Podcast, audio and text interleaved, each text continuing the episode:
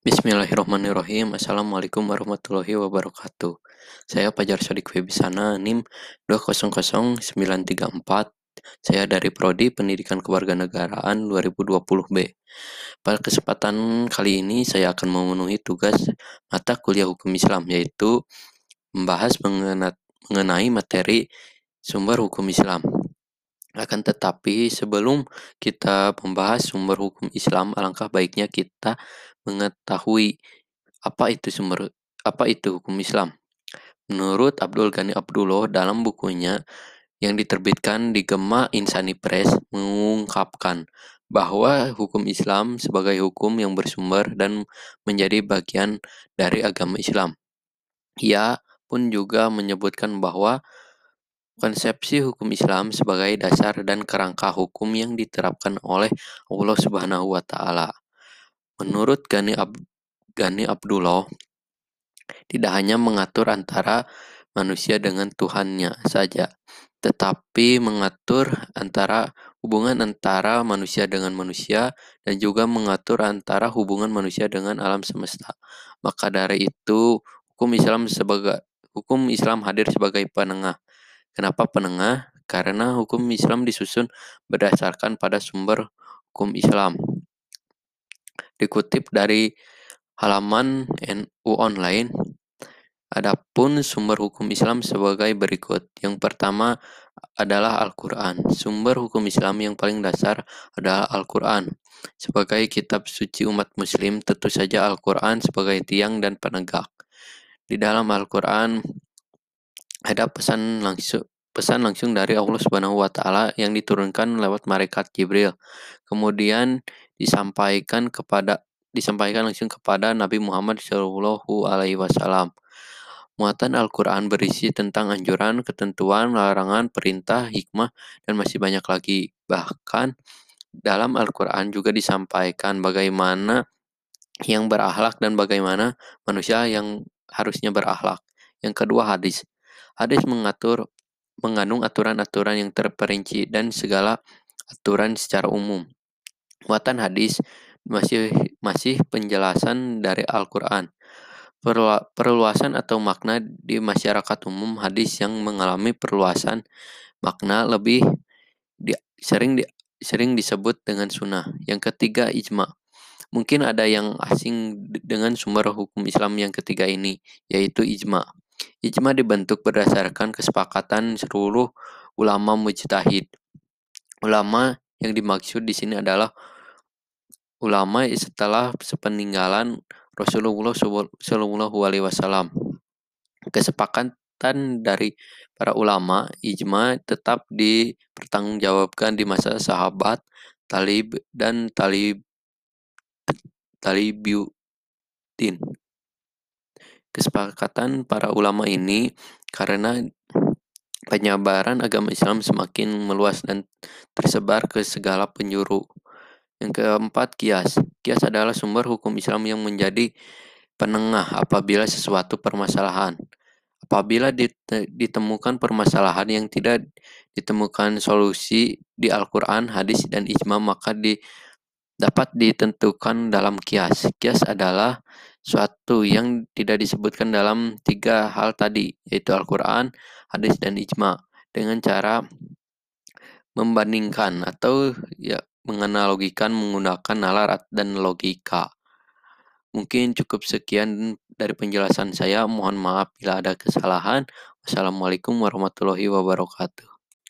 Bismillahirrahmanirrahim. Assalamualaikum warahmatullahi wabarakatuh. Saya Fajar Sodik Webisana, NIM 200934. Saya dari Prodi Pendidikan Kewarganegaraan 2020B. Pada kesempatan kali ini saya akan memenuhi tugas mata kuliah hukum Islam yaitu membahas mengenai materi sumber hukum Islam. Akan tetapi sebelum kita membahas sumber hukum Islam, alangkah baiknya kita mengetahui apa itu sumber apa itu hukum Islam. Menurut Abdul Ghani Abdullah dalam bukunya yang diterbitkan di Gema Insani Press mengungkapkan bahwa hukum Islam sebagai hukum yang bersumber dan menjadi bagian dari agama Islam. Ia pun juga menyebutkan bahwa Konsepsi hukum Islam sebagai dasar dan kerangka hukum yang diterapkan oleh Allah Subhanahu wa taala. Menurut Gani, Ab Gani Abdullah, tidak hanya mengatur antara manusia dengan Tuhannya saja, tetapi mengatur antara hubungan antara manusia dengan manusia dan juga mengatur antara hubungan manusia dengan alam semesta. Maka dari itu, hukum Islam sebagai hukum Islam hadir sebagai penengah Kenapa penengah? Karena hukum Islam disusun berdasarkan pada sumber hukum Islam. Dikutip dari halaman NU Online, adapun sumber hukum Islam sebagai berikut. Yang pertama adalah Al-Quran. Sumber hukum Islam yang paling dasar adalah Al-Quran. Sebagai kitab suci umat muslim, tentu saja Al-Quran sebagai tiang dan penegak. Di dalam Al-Quran ada pesan langsung pesan langsung dari Allah Subhanahu wa taala yang diturunkan lewat malaikat Jibril. Kemudian disampaikan kepada disampaikan langsung kepada Nabi Muhammad Shallallahu alaihi wasallam. Muatan Al-Quran berisi tentang anjuran, ketentuan, larangan, perintah, hikmah, dan masih banyak lagi. Bahkan dalam Al-Quran juga disampaikan bagaimana yang berakhlak dan bagaimana manusia yang harusnya berakhlak. Yang kedua hadis. Hadis mengatur mengandung aturan-aturan yang terperinci dan segala aturan secara umum. Muatan hadis masih masih penjelasan dari Al-Qur'an. Perluasan atau makna di masyarakat umum hadis yang mengalami perluasan makna lebih di, sering di, sering disebut dengan sunnah. Yang ketiga ijma. Mungkin ada yang asing dengan sumber hukum Islam yang ketiga ini, yaitu ijma. Ijma dibentuk berdasarkan kesepakatan seluruh ulama mujtahid. Ulama yang dimaksud di sini adalah ulama setelah sepeninggalan Rasulullah Shallallahu Alaihi Wasallam. Kesepakatan dari para ulama ijma tetap dipertanggungjawabkan di masa sahabat, talib dan talib talibuddin kesepakatan para ulama ini karena penyebaran agama Islam semakin meluas dan tersebar ke segala penjuru. Yang keempat, kias. Kias adalah sumber hukum Islam yang menjadi penengah apabila sesuatu permasalahan.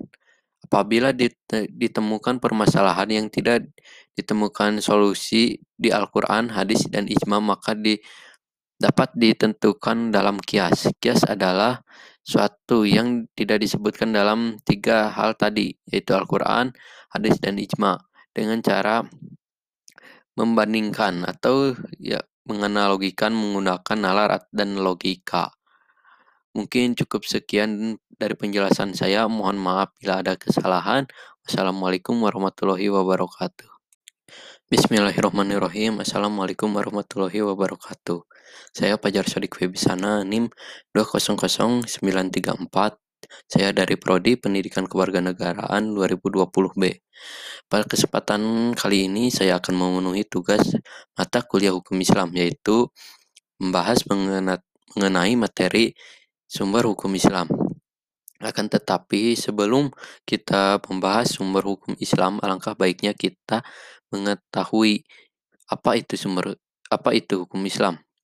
Menurut Abdul Ghani Abdullah dalam bukunya yang diterbitkan di Gema Insani Press mengungkapkan bahwa hukum Islam sebagai hukum yang bersumber dan menjadi bagian dari agama Islam. Ia pun juga menyebutkan bahwa konsepsi hukum Islam sebagai dasar dan kerangka hukum yang diterapkan oleh Allah Subhanahu wa taala.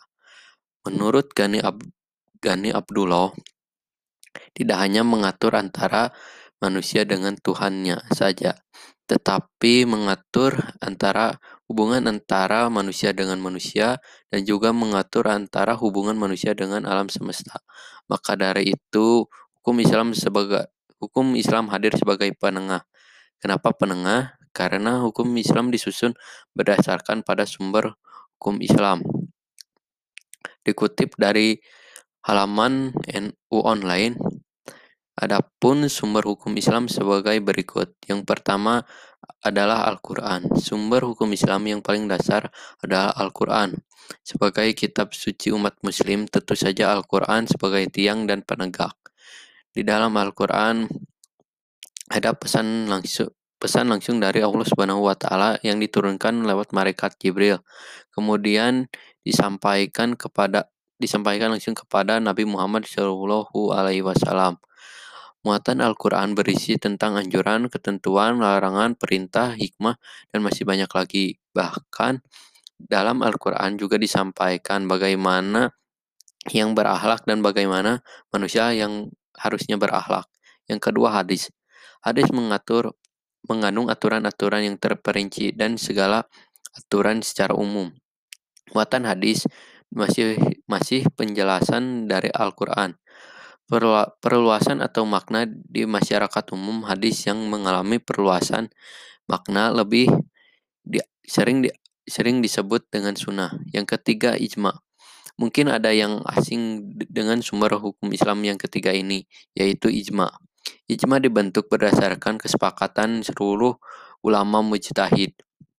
Ulama yang dimaksud di sini adalah ulama setelah sepeninggalan Rasulullah Shallallahu Alaihi Wasallam. Kesepakatan dari para ulama ijma tetap dipertanggungjawabkan di masa sahabat, talib dan talib talibiuddin. Kesepakatan para ulama ini karena penyebaran agama Islam semakin meluas dan tersebar ke segala penjuru yang keempat, kias. Kias adalah sumber hukum Islam yang menjadi penengah apabila sesuatu permasalahan. Apabila ditemukan permasalahan yang tidak ditemukan solusi di Al-Quran, hadis, dan ijma, maka di, dapat ditentukan dalam kias. Kias adalah suatu yang tidak disebutkan dalam tiga hal tadi, yaitu Al-Quran, hadis, dan ijma, dengan cara membandingkan atau ya menganalogikan menggunakan nalar dan logika. Mungkin cukup sekian dari penjelasan saya. Mohon maaf bila ada kesalahan. Wassalamualaikum warahmatullahi wabarakatuh. Bismillahirrahmanirrahim. Assalamualaikum warahmatullahi wabarakatuh. Saya Pajar Sodik Webisana NIM 200934 saya dari Prodi Pendidikan Kewarganegaraan 2020B. Pada kesempatan kali ini saya akan memenuhi tugas mata kuliah hukum Islam yaitu membahas mengenai materi sumber hukum Islam. Akan tetapi sebelum kita membahas sumber hukum Islam, alangkah baiknya kita mengetahui apa itu sumber apa itu hukum Islam. Menurut Abdul Ghani Abdullah dalam bukunya yang diterbitkan di Gema Insani Press mengungkapkan bahwa hukum Islam sebagai hukum yang bersumber dan menjadi bagian dari agama Islam. Ia pun juga menyebutkan bahwa konsepsi hukum Islam sebagai dasar dan kerangka hukum yang diterapkan oleh Allah Subhanahu wa taala. Menurut Gani, Ab Gani Abdullah, tidak hanya mengatur antara manusia dengan Tuhannya saja, tetapi mengatur antara hubungan antara manusia dengan manusia dan juga mengatur antara hubungan manusia dengan alam semesta. Maka dari itu, hukum Islam sebagai hukum Islam hadir sebagai penengah. Kenapa penengah? Karena hukum Islam disusun berdasarkan pada sumber hukum Islam. Dikutip dari halaman NU Online, Adapun sumber hukum Islam sebagai berikut. Yang pertama adalah Al-Quran. Sumber hukum Islam yang paling dasar adalah Al-Quran. Sebagai kitab suci umat muslim, tentu saja Al-Quran sebagai tiang dan penegak. Di dalam Al-Quran ada pesan langsung pesan langsung dari Allah Subhanahu wa taala yang diturunkan lewat malaikat Jibril. Kemudian disampaikan kepada disampaikan langsung kepada Nabi Muhammad Shallallahu alaihi wasallam. Muatan Al-Quran berisi tentang anjuran, ketentuan, larangan, perintah, hikmah, dan masih banyak lagi. Bahkan dalam Al-Quran juga disampaikan bagaimana yang berakhlak dan bagaimana manusia yang harusnya berakhlak. Yang kedua hadis. Hadis mengatur mengandung aturan-aturan yang terperinci dan segala aturan secara umum. Muatan hadis masih masih penjelasan dari Al-Qur'an. Perluasan atau makna di masyarakat umum hadis yang mengalami perluasan makna lebih di, sering di, sering disebut dengan sunnah. Yang ketiga ijma. Mungkin ada yang asing dengan sumber hukum Islam yang ketiga ini, yaitu ijma. Ijma dibentuk berdasarkan kesepakatan seluruh ulama mujtahid. Ulama yang dimaksud di sini adalah ulama setelah sepeninggalan Rasulullah Shallallahu Alaihi Wasallam. Kesepakatan dari para ulama ijma tetap dipertanggungjawabkan di masa sahabat, talib dan talib talibiuddin. Kesepakatan para ulama ini karena penyebaran agama Islam semakin meluas dan tersebar ke segala penjuru. Yang keempat, kias. Kias adalah sumber hukum Islam yang menjadi penengah apabila sesuatu permasalahan. Apabila ditemukan permasalahan yang tidak ditemukan solusi di Al-Quran, hadis, dan ijma, maka di, dapat ditentukan dalam kias. Kias adalah suatu yang tidak disebutkan dalam tiga hal tadi, yaitu Al-Quran, hadis, dan ijma, dengan cara membandingkan atau ya menganalogikan menggunakan nalar dan logika. Mungkin cukup sekian dari penjelasan saya. Mohon maaf bila ada kesalahan. Wassalamualaikum warahmatullahi wabarakatuh.